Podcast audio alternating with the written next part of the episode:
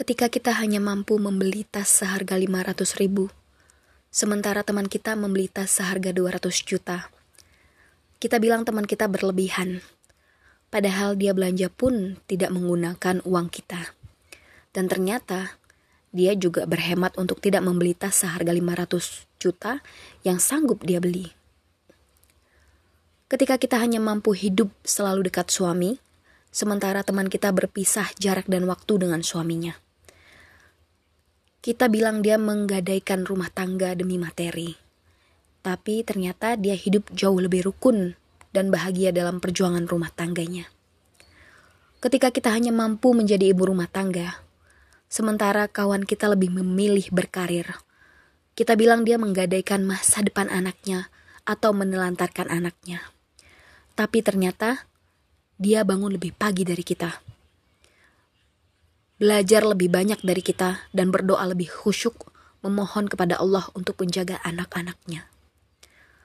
Ketika kita hanya mampu mengatur uang belanja 3 juta sebulan, sementara teman kita mengeluarkan belanja bulanan 30 juta. Kita bilang dia boros. Padahal dia tidak pernah berhutang pada kita dan ternyata mereka beramal lebih banyak dari uang belanjanya. Dan mereka tak pernah lupa memberikan sumbangan. Siapa yang rugi? Belum apa-apa sudah menilai. Bisa jadi malah berburuk sangka. Padahal kita tak pernah tahu apa yang sebenarnya orang lain hadapi dan orang lain lakukan di luar sepengetahuan kita. Jangan mengukur sepatu orang lain dengan kaki kita Jangan mengukur kehidupan orang lain dengan hidup kita. Jangan menggunakan kacamata kita untuk menilai orang lain. Penampilan luar belum tentu mencerminkan sifatnya. Jangan sibuk mengurusi hidup orang lain, padahal kita tidak tahu apa-apa tentang hal tersebut.